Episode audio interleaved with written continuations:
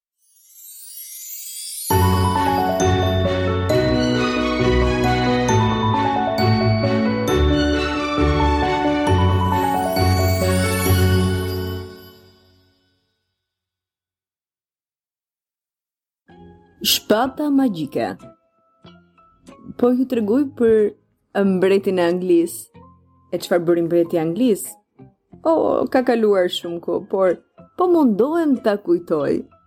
Mbreti i Anglisë vendosi t'ia besonte edukimin e djalit të tij, Arturit, magjistarit të Merlin.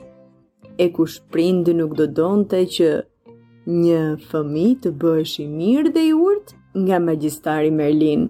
Ju nuk e njihni akoma, por do jua tregoj. Ai, pra Merlini, ishte këshilltari dhe miku i tij besnik. E çoi djalin të jetonte te një kalorës fisnik i cili po ashtu kishte një djalë në të njëjtën moshë që i quanin Kajo. Shumë shpejt, Dy djemt u bënë të pandarë. Ndërkohë, Arturi edukohej nga Merlini. Merlini e donte shumë Arturin dhe e edukoi me urtësi duke mësuar edhe truket e magjisë. E pra ishte magjistar. Por Merlini e mbante djaloshin larg syve të botës. Dhe këtë e bënte për ta mbrojtur, sepse nuk e tregonte identitetin e tij të vërtetë. Një ditë, mbreti humbi jetën.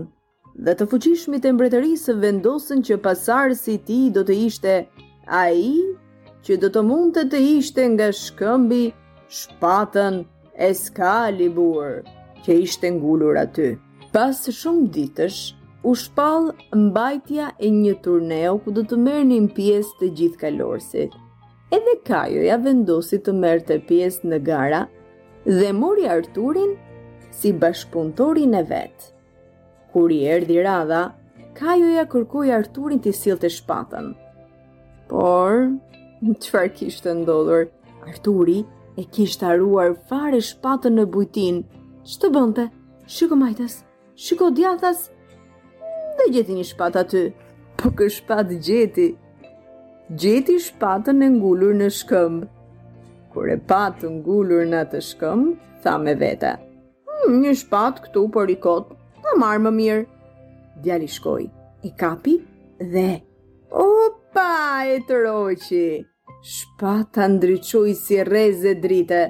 Arturi ia çoi shpatën Kajos dhe i tregoi se çfarë kishte ndodhur. Babai i Kajos sapo pa skenën u gjunjëzua përpara tij dhe i tha: "Ju përshëndes dhe ju njoh si mbretin tim Artur. Mbreti i Anglisë. Por disa nga fisnikët e pandershëm u përpoqën ta kundërshtonin dhe ngritën krye sepse nuk besonin që një djalosh si Arturi të ishte trashëgimtar i ligjshëm i fronit. Kështu shpërtheu lufta, por falë Arturit dhe magjisë së Merlinit, kryengritësit u shtypën. U krijua pastaj tryeza e rrumbullakët.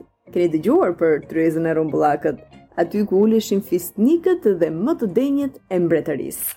Arturi themeloi oborrin e tij në qytetin e Kamelotit dhe gjithë mbretëria u fuqizua. Bravo Artur, ti e meriton! Që një mbret të jetë mbret, sigurisht duhet edhe forcë, edhe mendje dhe edukatë.